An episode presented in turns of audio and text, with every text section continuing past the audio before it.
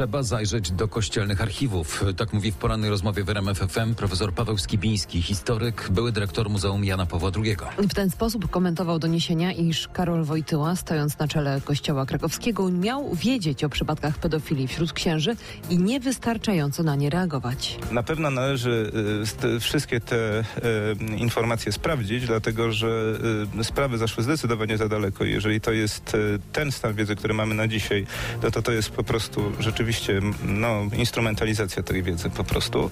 Natomiast jeśli, jeśli chodzi o stanowisko kościelne, no ja uważam, że pamiętajmy, że archiwa kościelne to są archiwa prywatne. To tak jakbym ja moje rodzinne archiwa wywalał na, na stół, ale w tej sprawie no już wydaje mi się, że to jest oczywiste, że trzeba zajrzeć do tych archiwów, tylko powinniśmy to uzgodnić z właścicielami tych archiwów. No dobrze, uzgodnić. Czyli Kościół powinien otworzyć swoje archiwa. Kto powinien to badać?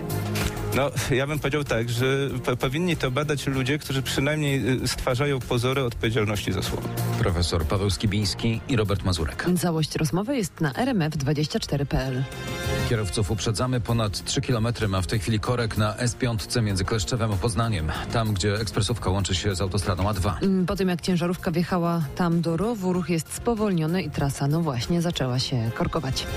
Korea Południowa i Stany Zjednoczone rozpoczęły dzisiaj wspólne ćwiczenia wojskowe, przeciwko którym stanowczo protestowała Korea Północna. Pyongyang poinformował o wystrzeleniu o poranku w odwecie z pokładu okrętu podwodnego Yongung, dwóch rakiet manewrujących do celu oddalonego 1500 km położonego również pod wodą.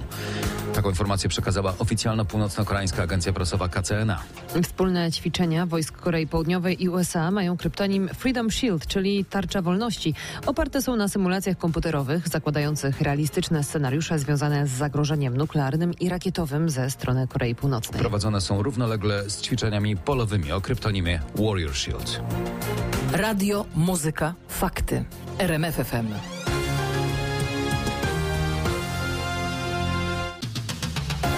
Lech traci punkty w Ekstraklasie. A na fakty sportowe zaprasza już teraz Patryk Serwański.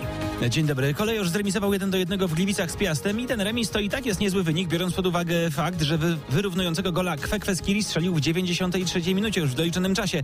No poczucie niedosytu po takim remisie za to w Gliwicach. Legia Warszawa pokonała u siebie 2 do 0 Stal Mielec, Re, remis 0 do 0 w pojedynku Warty Poznań z Krakowią, a dziś zagrają Wisła, Płock i Widzew Łódź. Skoczkowie narciarscy wieczorem będą rywalizować w prologu w Lillehammer. To będzie kolejna odsłona cyklu ROR.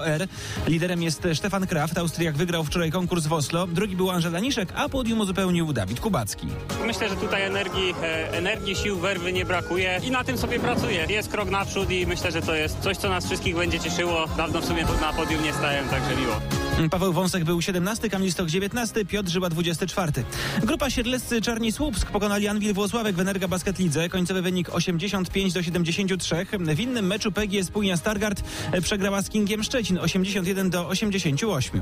Co zaważyło? Ja myślę, że w naszym wykonaniu e, gra zespołowa. Nie uszczygliśmy się błędów, bo to jest normalne, natomiast było dużo zawodników w grze. Nie wyróżniłbym nikogo, natomiast wyróżniłbym cały zespół.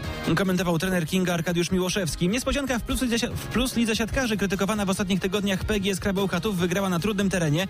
Pokonała w Kędzierzynie Koźlu Zaksę 3 do 0.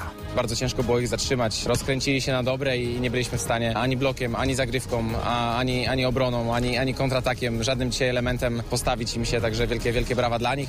Podsumował Aleksander Śliwka z Zaksy, która w lidze zajmuje teraz piąte miejsce, z kraju jest dziesiąta. W Gdańsku siatkarze Trefla bez straty zeta pokonali wczoraj Stal Nysa.